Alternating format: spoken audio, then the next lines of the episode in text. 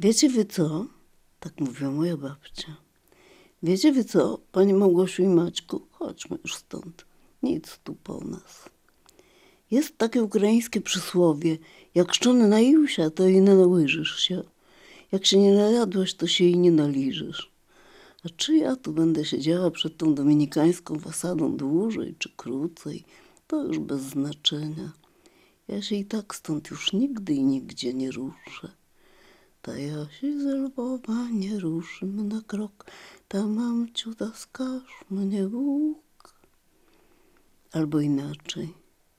Przylnij język mój krtaniu memu, jeśli zapomnę cię Jeruzalem, jeśli cię nie położę na początku wiesiela mego.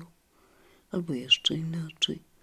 Jeśli cię zapomnę, ty Boże na niebie zapomnij o mnie.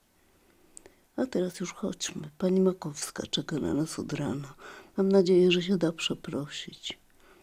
Więc idziemy na Matejki, która teraz nazywa się Kamieniariu, do wspaniałego, dawnego pałacu pań Leduchowskich, naprzeciw ogrodu jezuickiego. Ale w pałacu na Matejki to już byłam, parę lat temu, wtedy kiedy dyrektorka 15 gimnazjum imienia profesorów lwowskich zabrała mnie ze swoją szkołą na wycieczkę. Było to jeszcze za życia i na zaproszenie samej pani Janiny Zabojskiej, jednego z największych autorytetów moralnych lwowskich Polaków, która tu zarządzała tym bastionem polskości. To Hanka Fastnacht używa tego określenia w swojej książce Zostali we Lwowie. Ale też moja wizyta tu nie byłaby możliwa, gdybyśmy się wcześniej nie poznały, a poznałyśmy się we Wrocławiu w roku 2007, kiedy to obie panie, właśnie pani Zamojska razem z panią Haliną Makowską, gościły innymi w Domku Romańskim w galerii fotograficznej, którą prowadził Jan Bortkiewicz. Bortkiewicz to wilnianin, co prawda po wojnie ledwo się zdążył tam urodzić, ale miewał takie szlachetne porywy kresowe i właśnie w takim porywie przygotowywał razem ze swoimi przyjaciółmi, dysponującymi możliwościami edytorskimi, przejmujący kalendarz na rok 2008, kalendarz poświęcony lwowskiej parafii pod wezwaniem Marii Magdaleny i zatytułowany Cierpienie i nadzieja. Dlaczego taki tytuł? Sprawa dramatyczna, dotąd nierozwiązana i właściwie chyba beznadziejna. Ale pani Halina się nie poddaje, wciąż walczy, jak przez te wszystkie minione lata. Wtedy, w tym 2007 roku, zapytałam panią Zamojską, dlaczego została w Lwowie. Odpowiedziała, bo jak się śpiewa, nie rzuć mi ziemi skąd nasz ród, to nie wystarczy śpiewać. To było powiedziane bardzo wyraziście, ale ja właściwie dopiero po przeczytaniu książki Hanki Fastnacht i po zapoznaniu się ze wspomnieniami córki państwa adamskich z Lwowa, pracującej teraz w Ossolinie Moniki Owczarek, zrozumiałam prymitywizm mojego pytania, moją ignorancję, brak wiedzy, niedostatek wyobraźni. I zawstydziłam się. To dziś się wstydzę. Bo co my w ogóle wiemy o życiu tych ludzi w tym morzu wrogości, gdzie niby są z dziada pradziada u siebie, a jednocześnie coraz bardziej obcy, niechciani, osamotnieni, coraz ich mniej. Czujemy, że to do nas napisał Mickiewicz. Biada nam zbiegi, żeśmy w czas morowy lękliwe nieśli za granicę głowy. Zdradziliście nas, powiedziała do mnie w 81 roku sopranistka z lwowskiego chóru Echo który wtedy koncertował u nas w kościele świętego Michała we Wrocławiu i z którym mieliśmy spotkanie w Instytucie Historii Naszewskiej. Jakbyście nie wyjechali, to może nam wszystkim byłoby łatwiej żyć, a tak drogośmy płacili za to, żeśmy zostali. I tak było. Oni strasznie drogo płacili. Nie tylko za przynależność do AK, ale nawet za dowcip, za byle co. Byli aresztowani i wysyłani do Workuty czy na Kołymę. Księża za sprawowanie posługi duszpasterskiej skazywani byli na łagry, skąd wracali i dalej próbowali robić swoje. Absolwenci polskiej szkoły nie dostawali się na studia za to, że nie mieli na maturze stopnia z języka ukraińskiego albo za to, że nie należeli do komunistycznej organizacji młodzieżowej. Przez pałac, dawny pałac pani Leduchowskich, przewijały się dziesiątki spragnionych wiedzy dzieci i potrzebujących elementarnej pomocy dorosłych. Więc co robiły panie z pałacu na Matejki? Oprócz normalnego życia przygotowywały i wysyłały paczki dla zesłańców, opiekowały się ludźmi starymi i chorymi, uczyły dzieci polskiego, historii, religii. W okresie świąt urządzały opłatki, obdarzały dzieci ozdobami choinkowymi o symbolice polskiej, katolickiej. Wszystko to było nielegalne, zagrożone, niebezpieczne.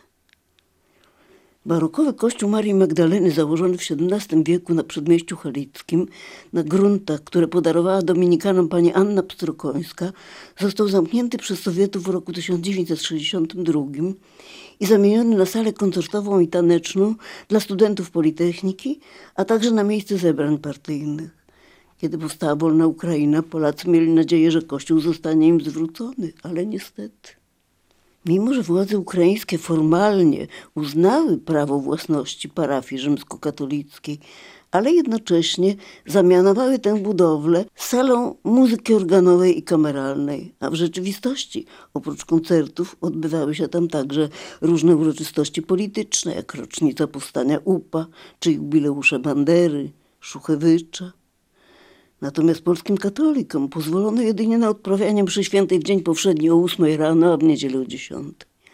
Po każdej mszy parafianie sprzątają kościół, przy czym muszą znosić zaczepki i docinki ukraińskich pracowników sali koncertowej, którzy potrafią na przykład sprzątać swoją estradę wtedy, kiedy katolicy się modlą kalendarzu Bortkiewicz pokazał i szczęśliwie zachowany rzeźbiony barokowy ołtarz przedstawiający scenę spotkania Marii Magdaleny z Jezusem Zmartwychwstałym, którego ona bierze za ogrodnika, i na przykład salę podczas koncertu, kiedy ołtarz zasłonięty jest białą kotarą, a publiczność siedzi do niego tyłem, bo estrada sali koncertowej ustawiona jest przy wejściu do kościoła pod organami.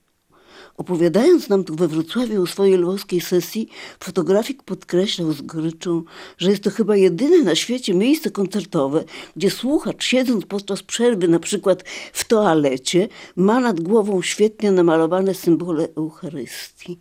Bo Sowieci zrobili to pomieszczenie specjalnie tam, gdzie pierwotnie mieściło się baptysterium. Autorem zaś zapaćkanego odpadającym tynkiem malarstwa ściennego jest Jan Henryk Rosen, ten sam, który namalował pogrzeb świętego Odilona i inne sceny sakralne w katedrze ormiańskiej. Właśnie teraz, tuż przed naszym przyjazdem do Lwowa, czytałam w kurierze galicyjskim przytoczenie z ukraińskiej lwowskiej gazety, że w pewnej toalecie przy ulicy Bandery odkryto pod tynkiem malarstwo Rozena. No i złośliwy komentarz kuriera wyjaśniający genezę tego epokowego odkrycia w toalecie. Wszystko to razem niewesołe. Namawiam Małgosię, żeby nagrała rozmowę z panią Haliną, ale pani Makowska prosi, żeby jej dać spokój, bo takie ingerencje z zewnątrz mogą tylko zaszkodzić, a na pewno nie pomogą. Jeśli przez tyle lat wszystkie wysiłki Polaków są lekceważone, a wnioski i argumenty odrzucane. Teraz, po śmierci pani Zamojskiej, pani Halina została w pałacu sama. Od czasu do czasu przyjmuje tu kogoś chorego, żeby go podkurować albo żeby mu oczy zamknąć. Ot jak teraz właśnie dogląda pewnej starszej pani, która jest w bardzo złym stanie.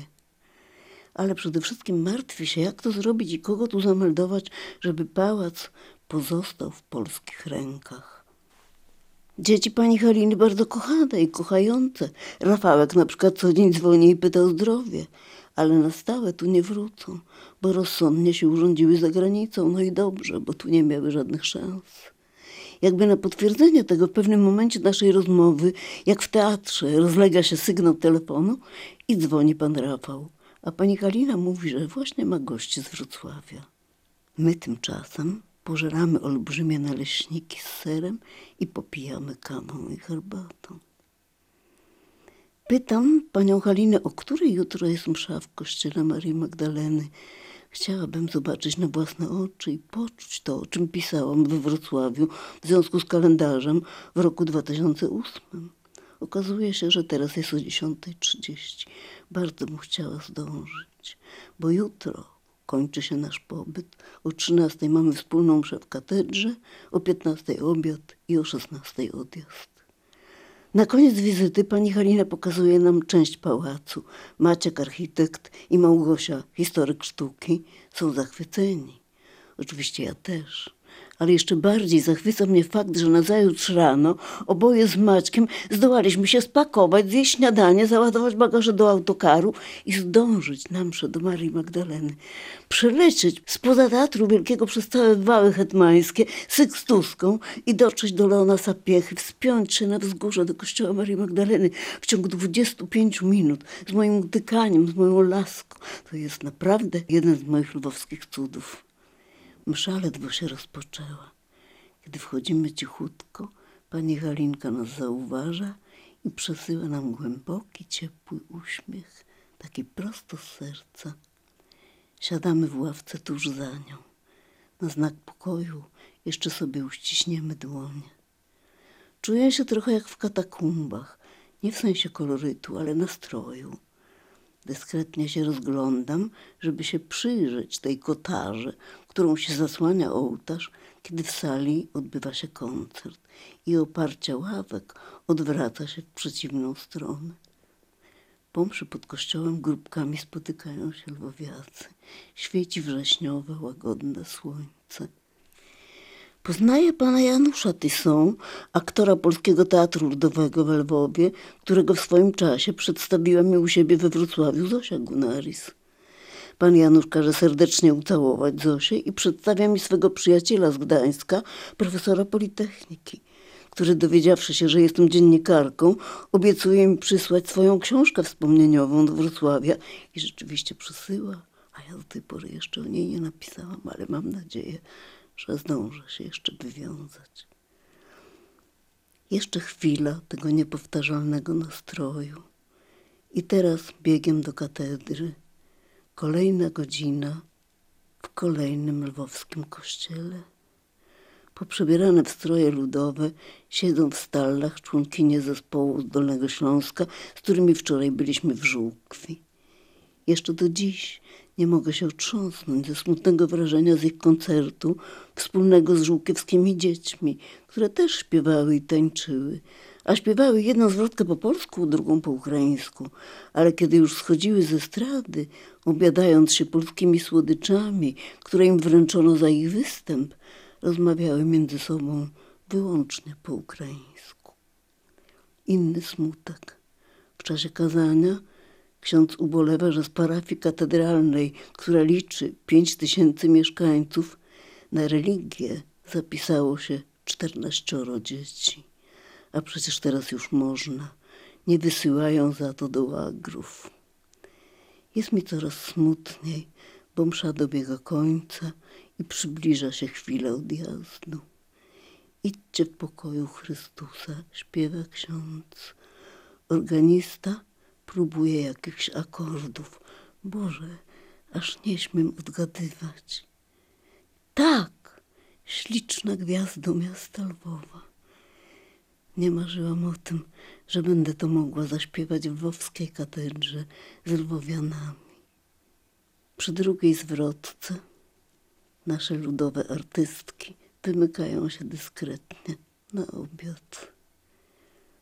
Pani Małgosiu, czy nagrała pani tę pieśń? Nie. A czemu? Nie wiedziałam, co to jest. No właśnie. Na szczęście mam nagranie z chóru Echo pod dyrekcją Władysława Łokietki z roku 1981.